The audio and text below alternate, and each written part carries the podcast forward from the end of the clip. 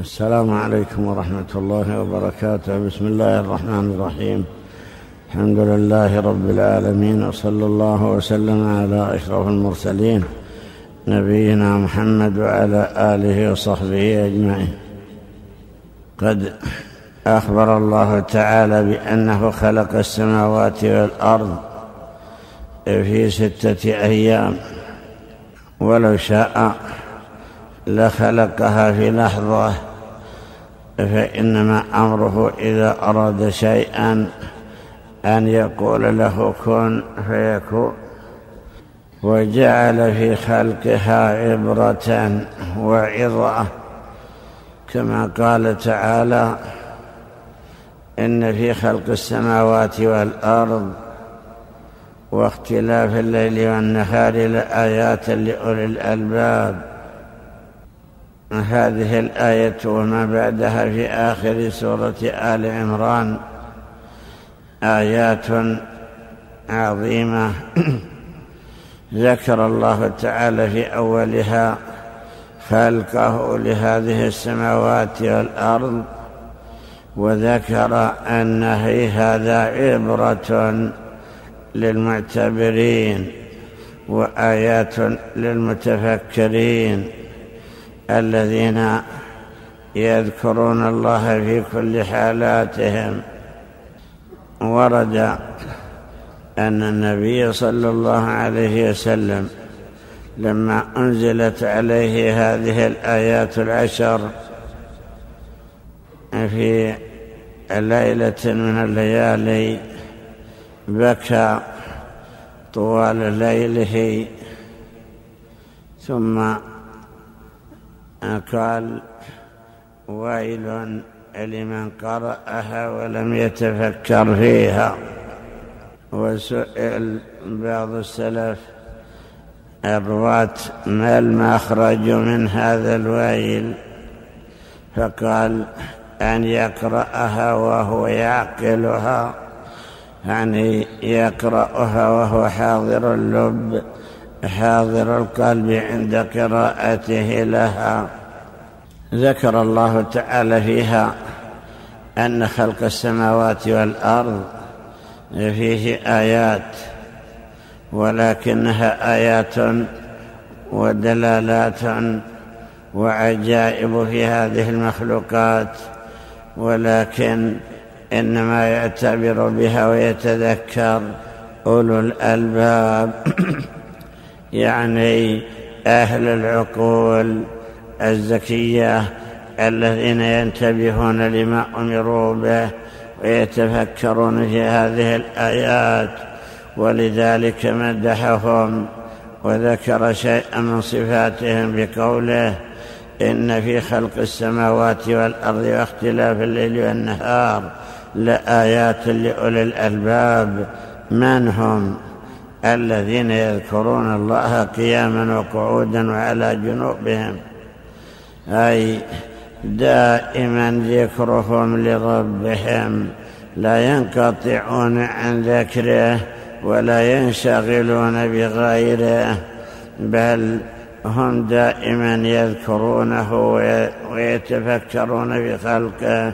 ولهذا قال ويتفكرون أي تفكر تعقل يتفكرون في خلق السماوات والأرض ويقولون ربنا ما خلقت هذا باطلا سبحانك فقنا عذاب النار.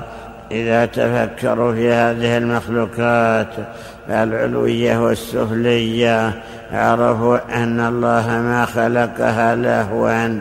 ولا خلقها باطلا فإنه سبحانه يتنزه عن أن يخلق شيئا عبثا. فلا فما خلق الإنسان عبثا ولا خلق هذه المخلوقات عبثا كما قال الله تعالى وما خلقنا السماوات والأرض وما بينهما لاعبين. ما خلقناهما إلا بالحق. يعني أن الإنسان إذا تفكر في خلقها اعتبر بذلك وعرف فيها الآيات عرف أنها آيات عظيمة ودلالات كبيرة تدل على عظمة من خلقها. إذا نظرت في هذه الأرض التي هي واحدة من سبع أراضين وهي صغيرة بالنسبة إلى بقية خلق الله تعالى إلى بقية ما خلقه. فإنك بذلك تعتبر وتقول سبحان من خلقها ومن أوجدها.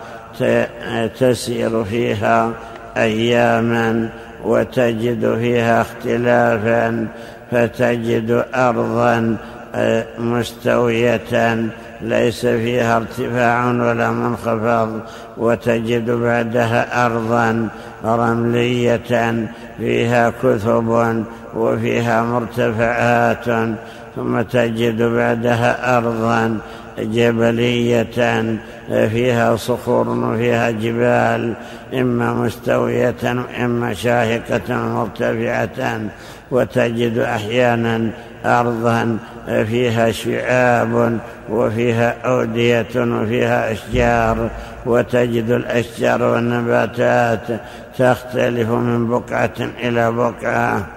وهكذا أيضا قول الله تعالى وبث فيها من كل دابة أي ما خلقه فيها من هذه الدواب الزاحفة والطائرة والسائرة الكبيرة والصغيرة لا شك أنها عبرة وموعظة. ذكر الله تعالى أيضا الليل والنهار يعني هذا الليل والنهار آيتان من آيات الله تعالى. لو شاء الله كما في بعض البلاد لجعل الليل كله دائما ولو شاء لجعل النهار دائما. ولهذا قال تعالى قل أرأيتم إن جعل الله عليكم الليل سرمدا؟ إلى يوم القيامة من إله غير الله يأتيكم بضياء يأتيكم بنور تمشون فيه. الله تعالى هو الذي يأتي بذلك. ثم قال قل أرأيتم إن جعل الله عليكم النهار سرمدا يعني دائما مستمرا من إله إله غير الله يأتيكم بليل تسكنون فيه فهو سبحانه جعل هذا الزمان منقسما إلى ليل ونهار وجعل الليل يستقرون فيه ويهدؤون وتهدأ حركاتهم ويريحون أنفسهم بعد التعب وبعد الكد وبعد التقلب في أمورهم وفي مصالحهم. وجعل الليل لهم سكنا كما في قول الله تعالى ومن رحمته جعل لكم الليل والنهار لتسكنوا فيه ولتبتغوا من فضله. لتسكنوا في الليل ولتبتغوا من فضله في النهار فالنهار هو محل العمل ومحل التقلب في الحرف والأعمال وما أشبهها والليل جعله سكنا. كذلك أيضا جعل لكل منهما آية.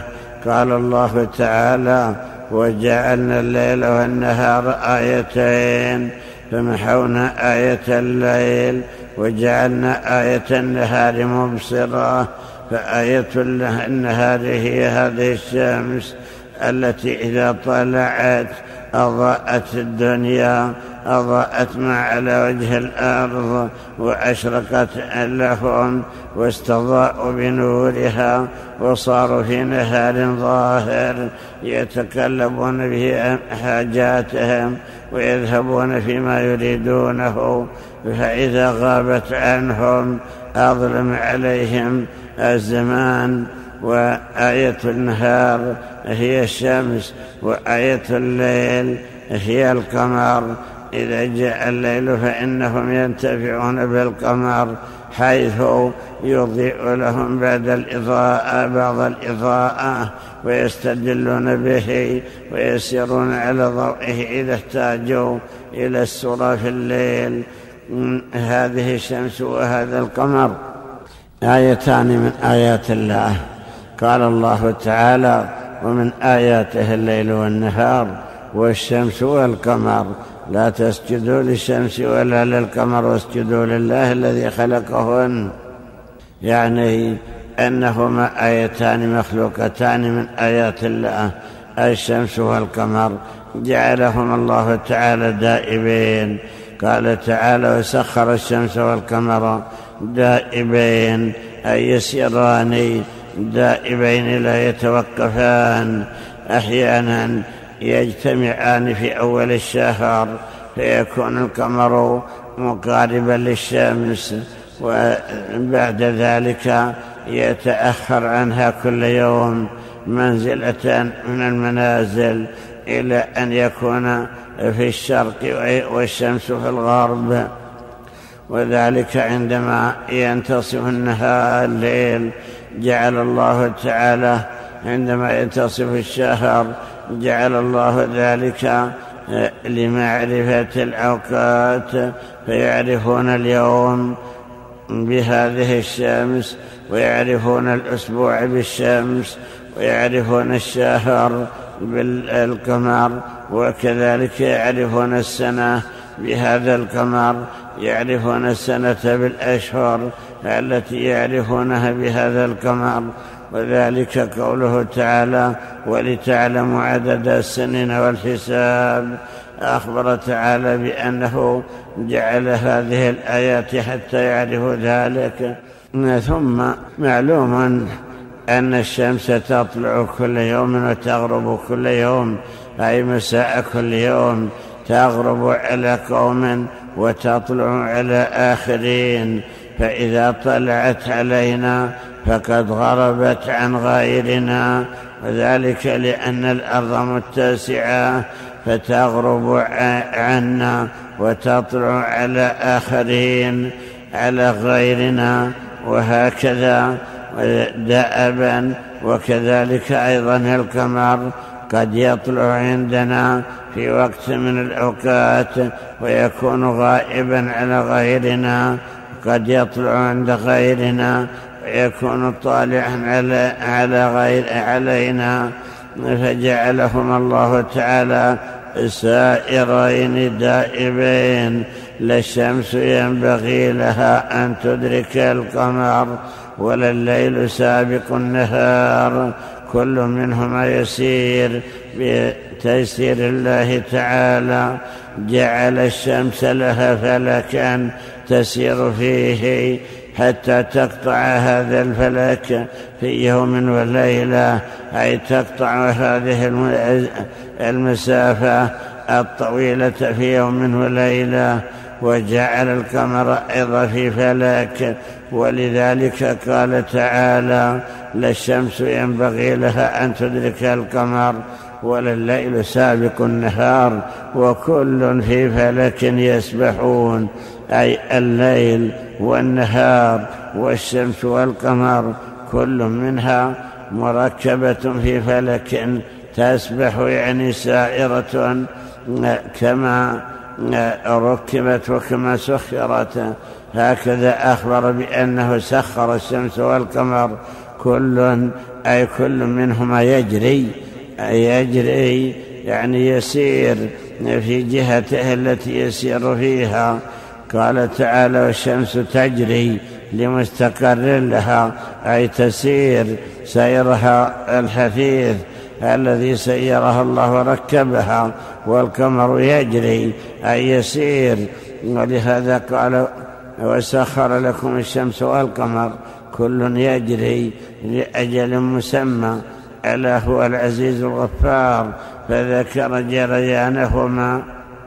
وجريانهما على ما قدر الله وعلى ما يسره. كل منهما يسير بالسير المعتاد إلا أن سير الشمس أسرع من سير القمر. ولهذا إذا كان في أول الشهر يكونان مجتمعين في في المغيب في المغرب نراهما غائبين جميعا. ثم في اليوم الثاني نرى أشعاع القمر تأخر عنها قليلا ثم في اليوم الثاني تأخر عنها ثم في اليوم الثالث تأخر إلى أن يصير القمر في المشرق والشمس في المغرب في نصف الشهر وهكذا لا يزال يتأخر.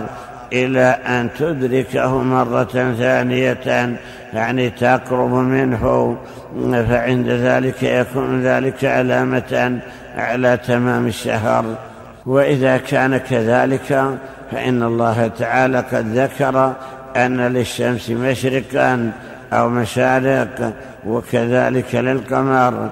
قال الله تعالى فلا أقسم برب المشارق والمغارب كيف يكون لها مشارق ومغارب مشارق الشمس ومشارق القمر ومغارب كل منهما أي الذي يشرق ويغرب وذلك لأن الشمس تارة تارة تطلع من جنوب الأرض فيما نرى وتارة تكون من وسطها وتارة تكون من الشمال وكذلك أيضا القمر. تارة يطلع من جهة الجنوب وتارة من وسط الأرض وتارة من جهة الشمال. وهكذا الغروب.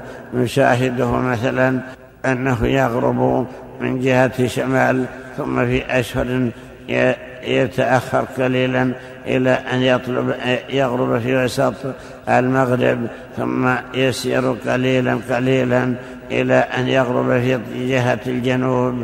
فلأجل ذلك جمع الله المشارق والمغارب. فلا أقسم برب المشارق والمغارب. وجمع ثناهما أيضا في قوله تعالى رب المشرقين ورب المغربين. المراد مشرق الشمس في الشتاء ومشرقها في الصيف وكذلك مغرب الشمس في الشتاء في في مغربها في الشتاء في جنوب المغيب في جنوب الجهة الغربية وفي الشتاء في في شمالها. فثناهما في هذه الآية رب المشرقين ورب المغربين. وأفردهما أيضا في قوله تعالى رب المشرق والمغرب لا إله إلا هو فاتخذه وكيلا. أي المراد في المشرق الشرق كله الذي يشرق منه الشمس والقمر والمغرب الغرب كله الذي تغرب الذي يغرب منه القمر.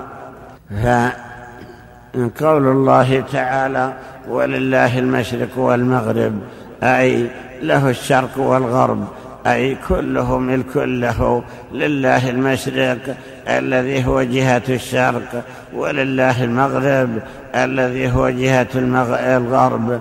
ولهذا قال موسى لفرعون رب المشرق والمغرب وما بينهما إن كنتم تعقلون.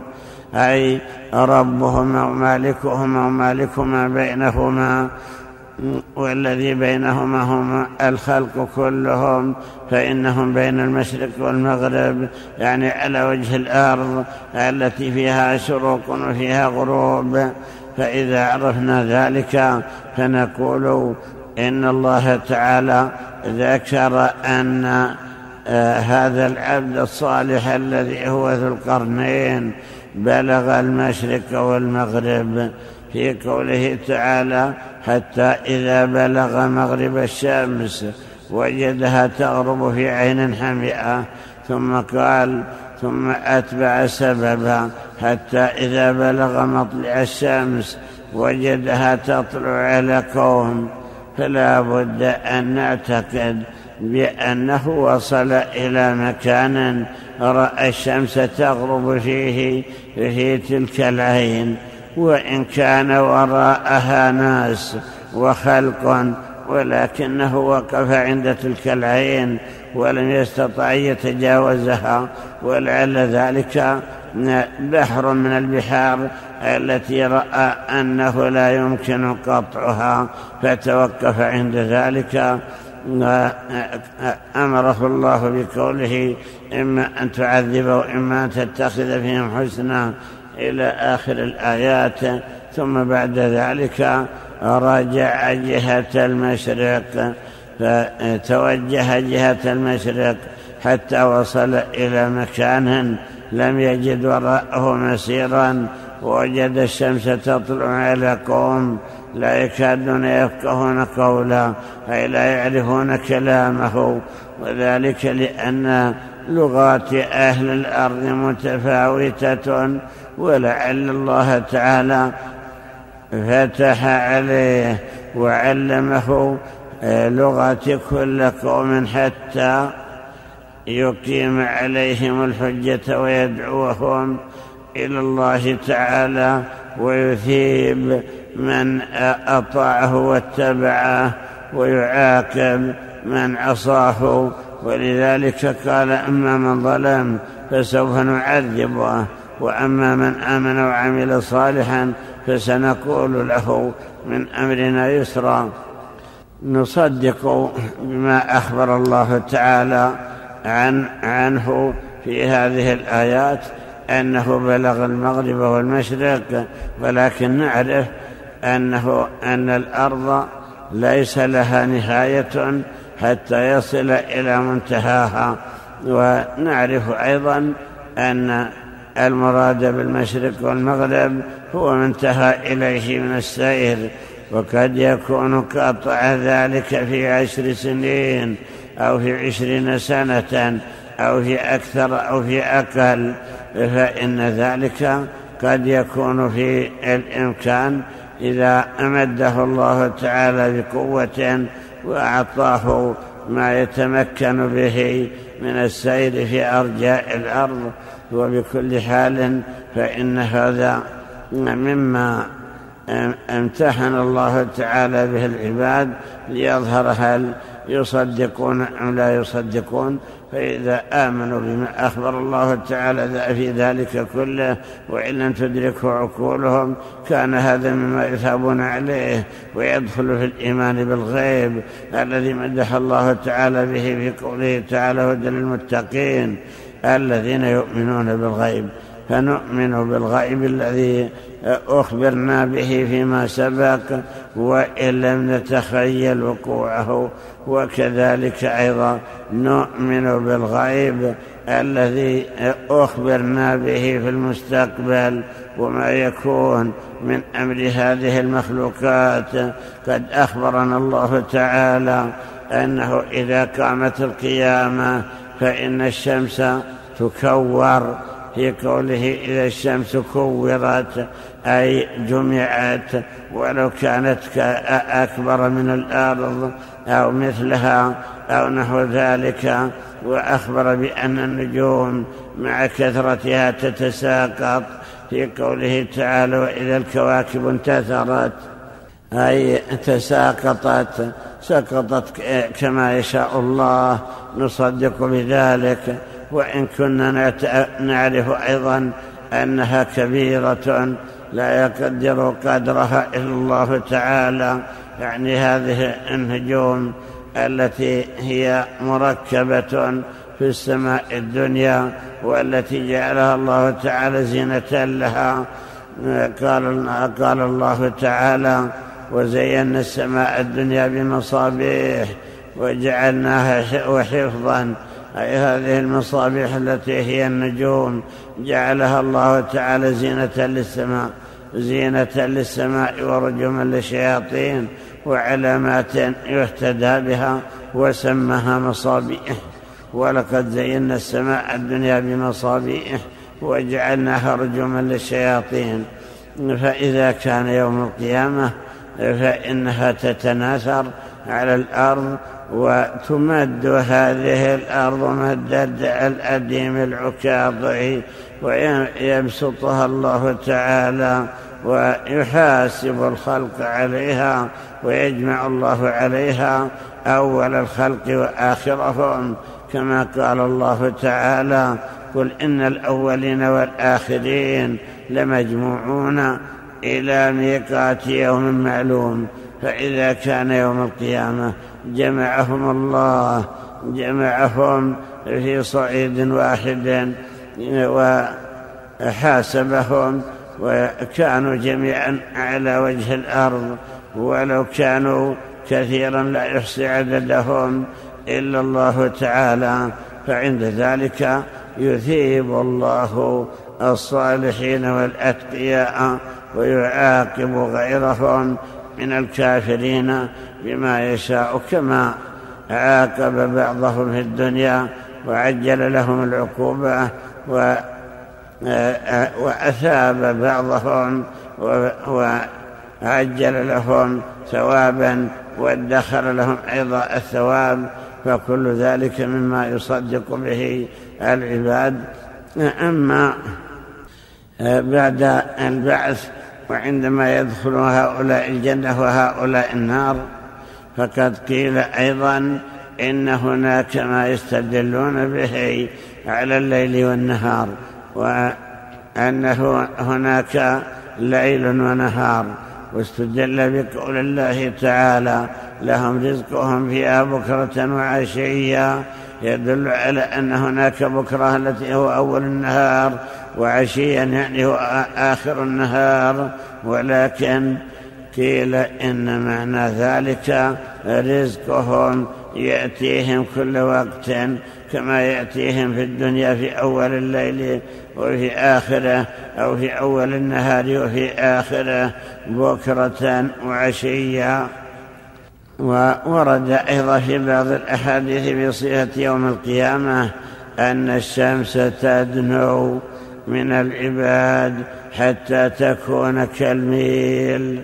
يقول الراوي فلا أدري هل أراد الميل الذي تكحل به العين أو الميل الذي هو المسافة مسافة السير فإن هناك مسافة نحو كيلوين إلا ثلث تسمى الميل. ويمكن أنه أراد أنها تدنو حتى يكون تكون بهذه المسافة ويزاد في حرها فحينئذ يعرق الناس إذا اشتدت عليهم حرارتها ولعل ذلك قبل أن يأتي الزمان الذي يكورها الله تعالى. ورد أيضا في بعض الأحاديث أن الشمس والقمر عقيران يوم القيامة في النار وذلك لأنهما كان خلقا لأمر من الأمور فإذا انقضى ذلك الأمر فإن الله تعالى يزيل أجرامهما. خلقهما الله تعالى للعبرة وخلقهما لمعرفة الحساب وخلقهما للنور والإضاءة. فإذا كان يوم القيامة وزال الحاجة إليهما فإنهما يكونان عاقرين. ورد أيضا في بعض الأحاديث أنه يقال لما لتتبع كل أمة ما كانت تعبد فيتبع من كان يعبد الشمس الشمس ومن كان يعبد القمر القمر. قيل معناه أن الشمس تنزل ويقال هذه الشمس التي كنتم تعبدونها فيتبعونها حتى يسقطوا في النار. ويتبع من كان يعبد القمر القمر ويتبع من كان يعبد الطواغيت الطواغيت. فكل ذلك دليل على أن هذه الشمس والقمر أنها مؤقتة بهذه الدنيا وأنها يوم القيامة تزول الحاجة إليها وأنه ليس في الجنة ليل ولا نهار وإنما نوره من نور الله تعالى. ولهذا روي أيضا أن, أن وقتهم كله ضياء ليس فيه حرارة شمس ولا فيه ظلمة الليل وهذا من تمام نعيم أهل الجنة أنهم نهارهم وليلهم سواء وأما أهل النار فقد يكونون في ظلمة شديدة عقوبة لهم. والله على كل شيء قدير. نواصل القراءة. بسم الله الرحمن الرحيم. الحمد لله رب العالمين. الصلاة والسلام على أشرف المرسلين نبينا محمد وعلى آله وصحبه أجمعين. قال رحمه الله تعالى حدثنا الوليد قال حدثنا أحمد بن القاسم قال حدثنا سليم بن منصور بن عمار عن وهب بن منبه رحمه الله تعالى أن ذا القرنين أول من لبس العمامة وذاك أنه كان في رأسه قرنان كالظلفين يتحركان فلبس العمامة من أجل ذلك. وأنه دخل الحمام ودخل كاتبه معه فوضع ذو القرنين العمامة فقال له ذو القرنين هذا أمر لم يطلع عليه خلق غيرك. فإن سمعت به من أحد قتلتك قال فخرج الكاتب من الحمام فأخذه كهيبة الموت. قال فأتى الصحراء فوضع فمه بالأرض ثم نادى ألا إن للملك قرنين ألا إن للملك قرنين ألا إن للملك قرنين. فأنبت الله عز وجل من كلمته قصبتين فمر بهما راع فأعجب بهما فقطعهما واتخذهما مزمارا وكان إذا زمر خرج من القصبتين ألا إن للملك قرنين ألا إن للملك قرنين قال فانتشر ذلك في المدينة فأرسل ذو القرنين إلى الكاتب فقال لتصدقني أو لأقتلنك قال فقص عليه الكاتب القصة فقال ذو القرنين هذا أمر أراد الله عز وجل أن يبديه. قال فوضع العمامة عن رأسه. قال حدثنا الوليد قال حدثنا إبراهيم بن يوسف عن, عن ابن جريج في تفسير ووجد عندها قوما. قال مدينة لها اثنا عشر ألف باب لولا أصوات أهلها لسمع الناس وجوب الشمس حين تجب. فحدث عن الحسن عن سمرة قال النبي صلى الله عليه وسلم سترا لم يبن فيها بناء قط ولم يبنى عليهم بنيان قط. كانوا إذا طلعت الشمس دخلوا سربا لهم حتى تزول. قال حدثنا الوليد قال حدثنا أبو طالب قال حدثنا نصر بن علي قال حدثنا سلول قتيبة قال حدثنا سهل بن السراج قال سمعت الحسن رحمه الله تعالى يقول تطلع على قوم لم نجعل لهم من دونها سترا. قال أرضهم أرض لا تحمل البناء فإذا طلعت الشمس تغوروا في الماء فإذا غربت خرجوا يتراعون كما ترعى البهائم قال حدثنا الوليد قال حدثنا أحمد بن القاسم قال حدثنا سعيد بن منصور قال حدثنا ابن الأصباني عن عمرو بن ثابت عن أبي عن سعيد بن جبير رضي الله عنه قال سار ذو القرنين حتى أتى مطلع الشمس فمثل له مدينة خارجة خارجة من أفق السماء فتطلعت نفسه أن يملكها فمثل له رجل ومعه ميزان فوضع في كفة فوضع في كفة حجير وفي الأخرى ذهب وفضة.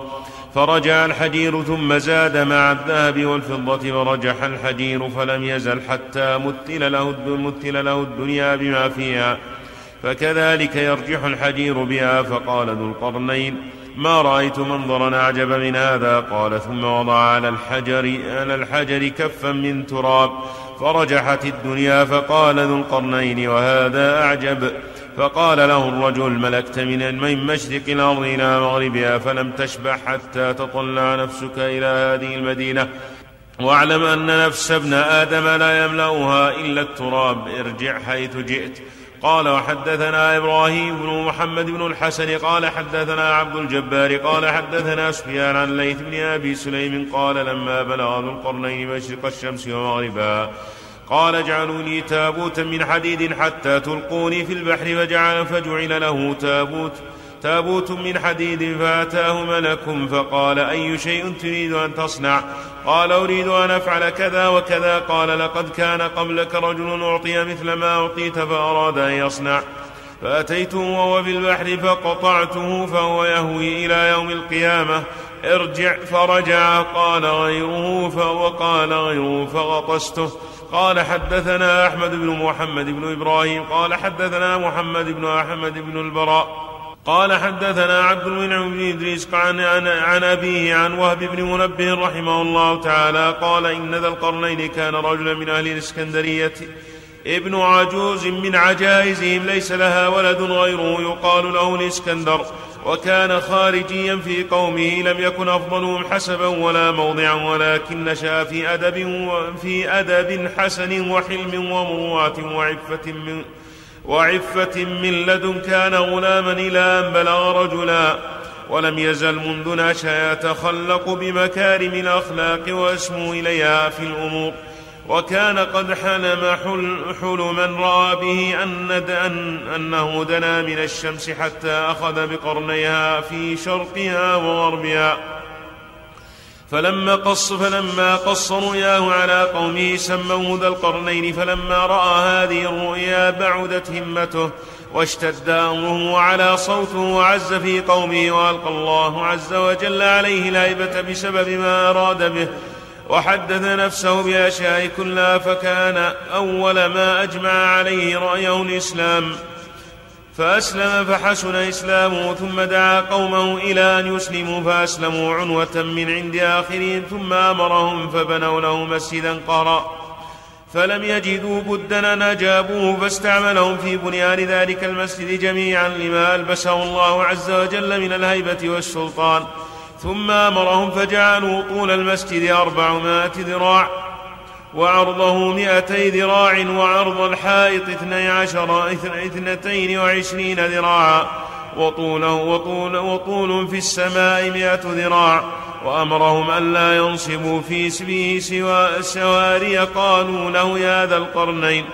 فكيف له بخشب يبلغ ما بين الحائطين؟ فقال لهم إذا فرغتم من بنيان الحائطين كبستموه بالتراب حتى يستوي الكبس. مع حيطان المسجد فإذا فرغتم ذلك ففرضتم فإذا فرغتم ذلك فرضتم على الموسع قدره وعلى المعسر قدره من الذهب والفضة وقطعتموه مثل قلامة الظفر ثم خلطتموه بذلك الكبس وعملتم له خشبا من نحاس تذيب تذيبون ذلك وأنتم متمكنون من العمل كيف شئتم على أرض مستوية. فإذا فرغتم من ذلك وقد عملتم وقد عملتم طول كل خشبة مئتي ذراع في أربعة وعشرين ذراعا للحائطين منها أربع وعشرون ذراعا ومائتي ذراع لما بين الحائطين. لكل حائط اثنتا عشرة ذراعا ثم تدعون المساكين لنهب ذلك التراب فيسارعون إليه من أجل ما فيه من الذهب والفضة. فمن حمل شيئا فهو له فأخرج, المسا فأخرج المساكين ذلك التراب. وقد استقل السقف بما فيه واستغنى عن المساكين فجندهم أربعين ألفا وهم أول جند اتبعه وجعلهم أربعة أجناد في كل جند عشرة آلاف ثم سيرهم في البلاد وحدث نفسه, وحدث نفسه بالمسير. فاجتمع إليه قوم وأهل مدينته فقالوا يا ذا القرنين إنا ننشدك بالله لا تؤثر علينا بنفسك غيرنا ونحن, ونحن ثروتك وفينا كان مسقط راسك ونشأت, ونشأت ورب وربيت وهذه أموالنا وأنفسنا فأنت الحكم فينا وهذه أمك عجوز كبيرة وهي أعظم الرأي لرأيكم ولكني بمنزلة ولكني بمنزلة المأخوذ بقلبه وسمعه وبصره ويرفع من, من خلق ويرفع من خلقه قدما لا يدري أين يتوجه ولا ما يراد به. ولكن هلم معشر قومي فادخلوا هذا المسجد فأسلموا من عند آخركم وإياكم أن تخافوا علي فتهلكوا. ثم دعا دهقان الإسكندرية وقال له عمر مسجدي هذا. وعز, وعز, وعز عني أمي فكان مما تخلفه الدهقان به أنه لما رأى شدة وجد أمي وطول بكائها احتال لها ليعزيها ما أصاب الناس قبلها وبعدها من المصائب والبلايا. فأراد أن يعلمها أن الله تعالى لم يبر أحدا من البلايا والمصائب والفجعات قبلها ولا بعدها. ثم إنه صنع عيدا عظيما وكان منه حيلة لا ثم أذن مؤذن يا أيها الناس إن فلانا الدهقان قد أذن لكم أن تحضروا عيده في يوم كذا وكذا فلما كان اليوم الذي أراد أن يحضره فيه الناس أذن مؤذن يا أيها الناس إن فلانا الدهقان قد أذن لكم لتحضروا عيده في هذا اليوم فأسرعوا إليه. واحذروا أن يحضره إلا رجل علي عن المصائب والبلايا والفجعات فلما فعل هذا لم يدر الناس على ما يضعون أمره. فقالوا هذا رجل أنفق مع أنفق فعظمت نفقته ثم ندم وأدركه البخل. فتدارك أمره فأجمع أمرهم أن يخلوه وقالوا, وقالوا من هذا؟ وقالوا من هذا الذي عري من البلايا أم من هذا الذي لم يفجع وتصبه المصائب؟ فإن أهون الناس مصيبة لأهل الملاهل الموت لأنه أمر شامل كتبه الله عز وجل على جميع خلقه فلا بد للعبد من أن يموت سوى, سوى مصائب أو سوى مصائب أخرى ورزايا عظام تكون مما كتبه الله عز وجل على أهل الدنيا. فكل هذا تسمع أم وكل هذا تسمع أم القم ذي القرنين وقد ملئت منه عجبا وليست تدري ما يريد الدهقان ثم إن الدهقان بعث مناديا بعدما تكلم الناس وخاضوا فيه فأذن أيها الناس إن فلانا الدهقان قد أذن لكم لتحضروا عنده يوم كذا فلا يحضر فلا يحضرنه إلا رجل قد ابتلي وأصيب أو فجع. وإياكم أن يحضره أحد من خلق الله عري عن البلايا من البلايا لأنه لا خير في من لا يصيبه البلاء. فلما فعل هذا تكلم الناس فقالوا هذا رجل قد بخل ثم ندم واستحيا فتدارك رأيه وحجى عيبه وحجى عيبه لما اجتمع الناس خطبهم فقال يا أيها الناس إني لما جمعت لما جمعتكم لما دعوتكم. لما دعوتكم له ولكن جمعتكم لأكلمكم في ذي, في ذي القرنين فيما لحقنا به من فقد صاحبنا وفراقه. إنه عمد إلى أعظم أهل الأرض حلما وعلما وحكما وخطرا وأبعدهم صونا وأشدهم حيلة وبأسا وقلبا وجناحا فاجتلح من بين أظهرنا في مثل قلتنا وضعفنا وحاجتنا إليه.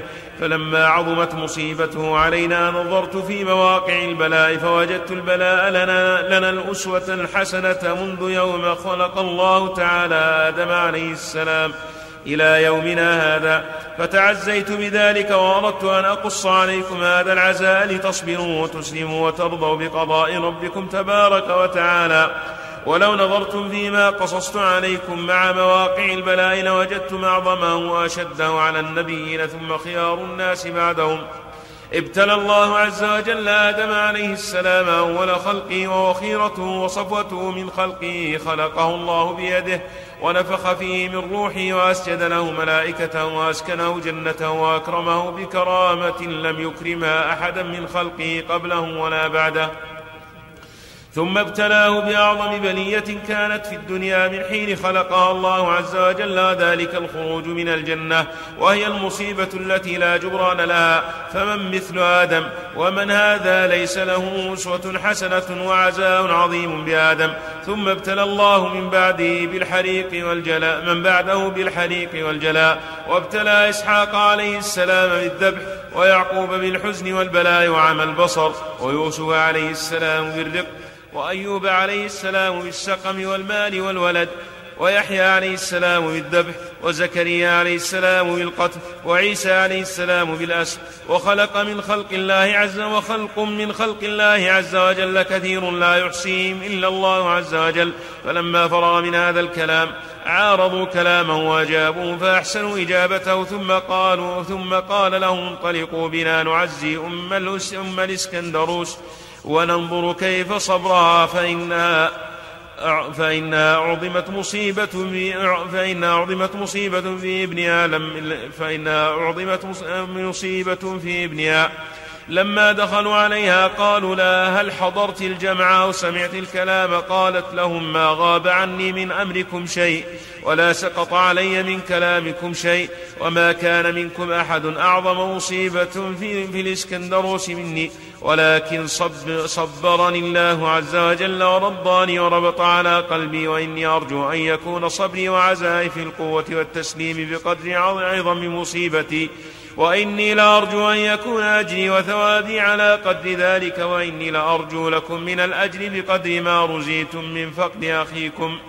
بأن تؤجروا على قدر ما نويتم في أمي وأملتم والله يجزيني وإياكم ويغفرني وإياكم ويرحمني وإياكم. فلما رأوا حسن عزائها وصبرها انصرفوا وتركوها وانطلق ذو القرنين يسير على وجهه. حتى أمعن في البلاد يؤم الغرب وجنوده يومئذ المساكين. فلما أمعن في البلاد أوحى الله عز وجل إليه أنك رسولي يا ذا القرنين إلى جميع الخلائق ما بين الخافقين من مطلع, مطلع الشمس إلى مغربها. فأنت رسولي إليهم وحجتي عليهم هذا تأويل رؤياك التي رأيت وقد بعثتك إلى جميع الأمم وهم سبع أمم. وهم جميع خلقي منهم أمتان بينهما طول الأرض كله. فذكر الحديث بطوله نحو حديث محمد بن عيسى عن سلمة بن الفضل. وزاد فيه قال فأقام عندهم ذو القرنين حتى قبض ولم يكن لهم فيه عمر. وقد كان بلغ السن وأدركه الكبر. وكان عدد ما سار في البلاد من يوم بعثه الله عز وجل إلى قبضه من يوم بعثه الله عز وجل إلى قبضه خمسمائة عام. قال أخبرنا عبد الرحمن بن محمد بن حماد قال حدثنا أبو عبيد الله المخزومي قال حدثنا سفيان عن الفضل بن عطية عن عبد الله بن عبيد بن عمير رحمه الله تعالى أن ذا القرنين حج ماشيا فسمع به إبراهيم عليه السلام فتلقاه قال حدثنا محمد بن الحسين قال حدثنا الدامغاني قال حدثنا سلمة قال حدثنا محمد بن إسحاق. قال حدثني بعض من يسوق الأحاديث من الأعاجم من أهل الكتاب ممن قد أسلم فيما توارثوا من علمه أن ذا القرنين كان رجلا صالحا من أهل مصر. اسمه, مرز اسمه مرزبا بن مرذبة اليوناني من ولد يونان بن يافث بن نوح. قال سلمة عن محمد قال حدثني ثور بن يزيد قال عن خالد بن معدان أن رسول الله صلى الله عليه وسلم سئل عن ذي القرنين فقال, ما فقال ملك مسح الأرض من تحتها بلا أسباب قال, قال خالد وسمع عمر الخطاب رضي الله عنه رجلا يقول يا ذا القرنين فقال عمر رضي الله عنه اللهم, غف اللهم غفرا أما رضيتم أن تتسموا بأسماء الأنبياء حتى تسموا بأسماء الملائكة. قال محمد بن إسحاق رحمه الله تعالى فإن كان رسول الله صلى الله عليه وسلم قال, قال ذلك فالحق ما قال والباطل ما خالفه. قال حدثنا محمد بن الفضل بن الخطاب قال حدثنا أبو حاتم قال حدثنا محمد بن روح بن عمران قال قال محمد بن سليمان رحمه الله تعالى لما مات ذو القرنين رحمه الله تعالى وهو الإسكندر خرجت أمه في أحسن زي نساء أهل الاسكندر حتى وقفت على قبره فقالت وعجباه ممن بلغ السماء حكمه. واقطار الأرض ملكه وسلطانه ودانت له الملوك عنوة. أصبح اليوم نائما لا يستيقظ صامتا لا يتكلم محمولا على أيدي من لا يناله بصره. ألا هل مبلغ عني؟ عني الإسكندر. فإني قد وعظت فاتعظت وعزيت فصبرت ولولا أني لاحقة به ما فعلت. وعليك السلام ابني حيا وهالكا. فنعم المرء فنعم المرء كنت ونعم الهالك أنت. لا يزال هذا كله يتابع الكلام حول ذي القرنين حتى ذكر بعضهم أنه من الملائكة.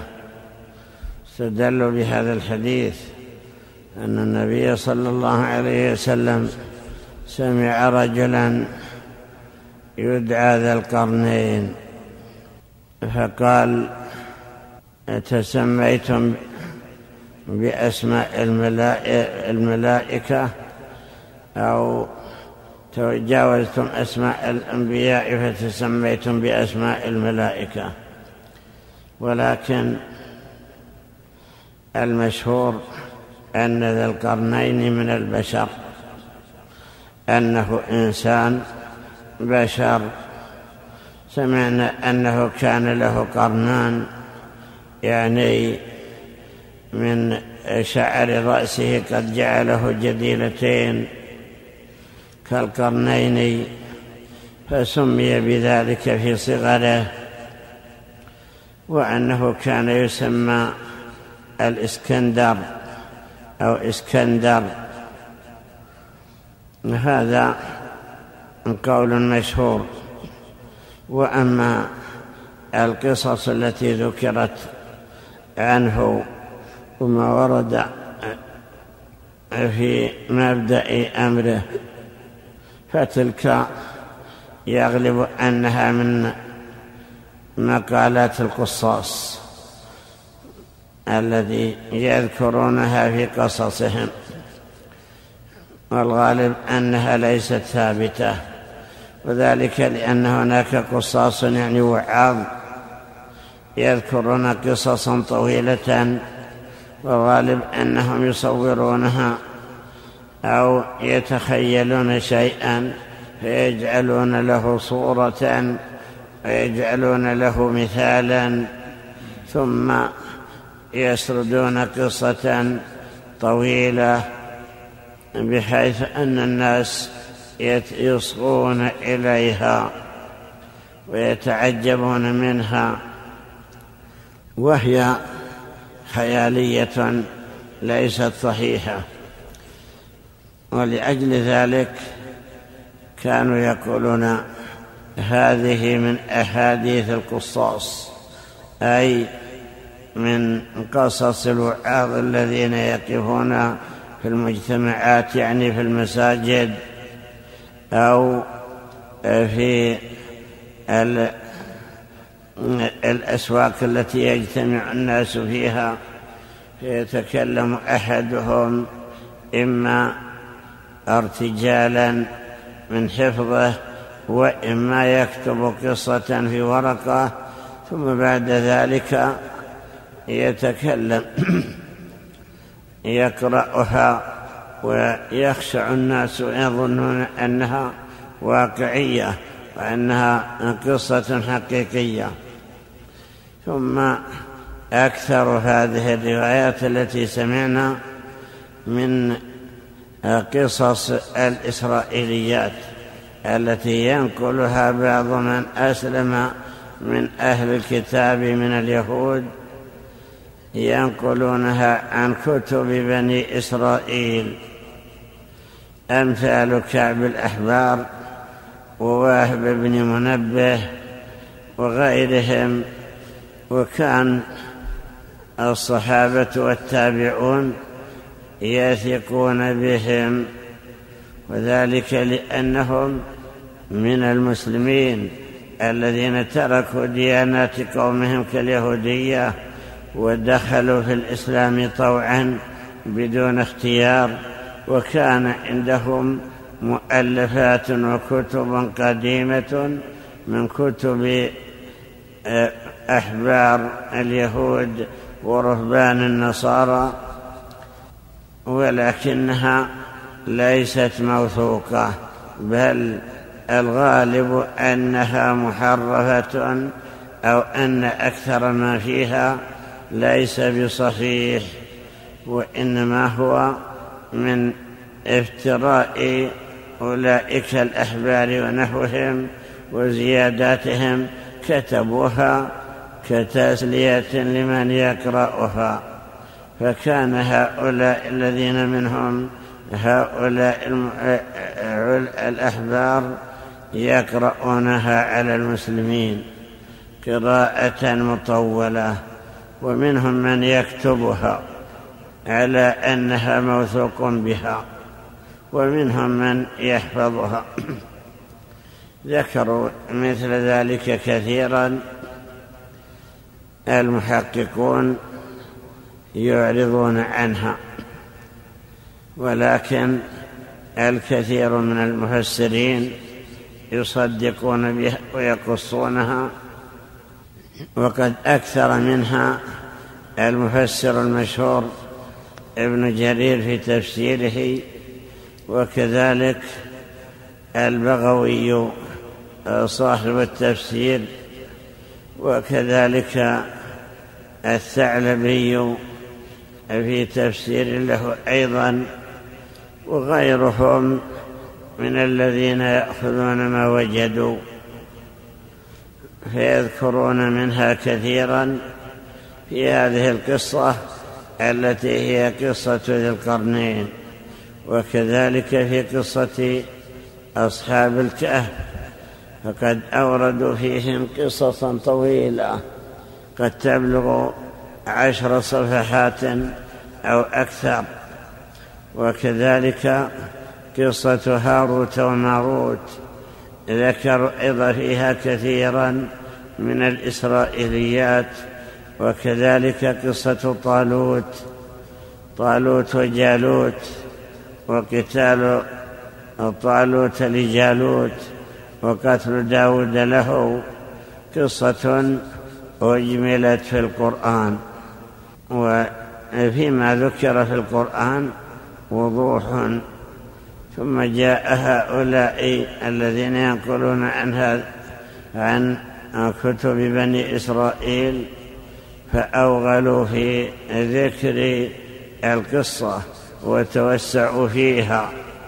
مما إذا سمعه العاقل يعرف أنه لا حقيقة له وأنه من جملة أساطير الأولين الذي يسطرونها ثم يأتي من بعدهم ويظن أنها حق وأنها واقعية فيصدق بها.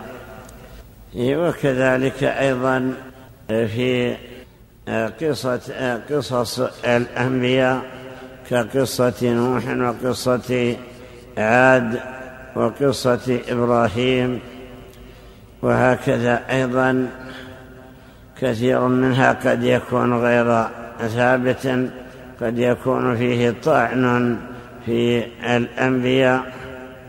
أطالوا في قصة داود والذين دخلوا عليه وقالوا أو قال بعضهم لبعض احكم بيننا بالحق ولا تشطط واهدنا إلى سواء الصراط.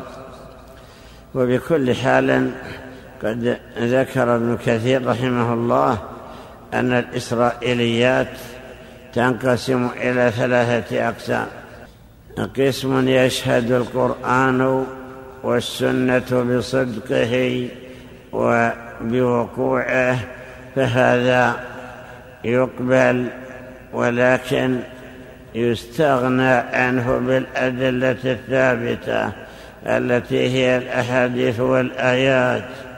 والقسم الثاني يشهد كتابنا وسنة نبينا بأنه كذب فهذا باطل.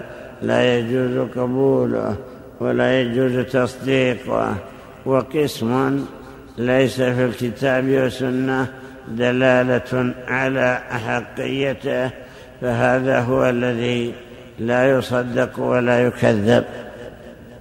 ورد أنه صلى الله عليه وسلم قال إذا حدثكم بنو إسرائيل فلا تصدقوهم ولا تكذبوهم. وقولوا آمنا بما أنزل إلينا وما أنزل إليكم وإلهنا وإلهكم واحد ونحن له مسلمون.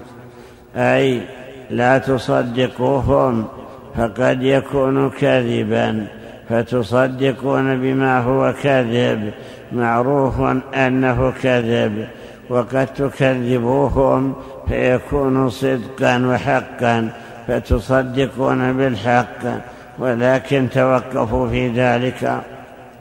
ومع ذلك فإن كثيرا من القصص الإسرائيلية إذا سمعها أدنى عاقل يعرف أنها خيالية مثل هذه القصص التي سمعنا في قصة ذي القرنين.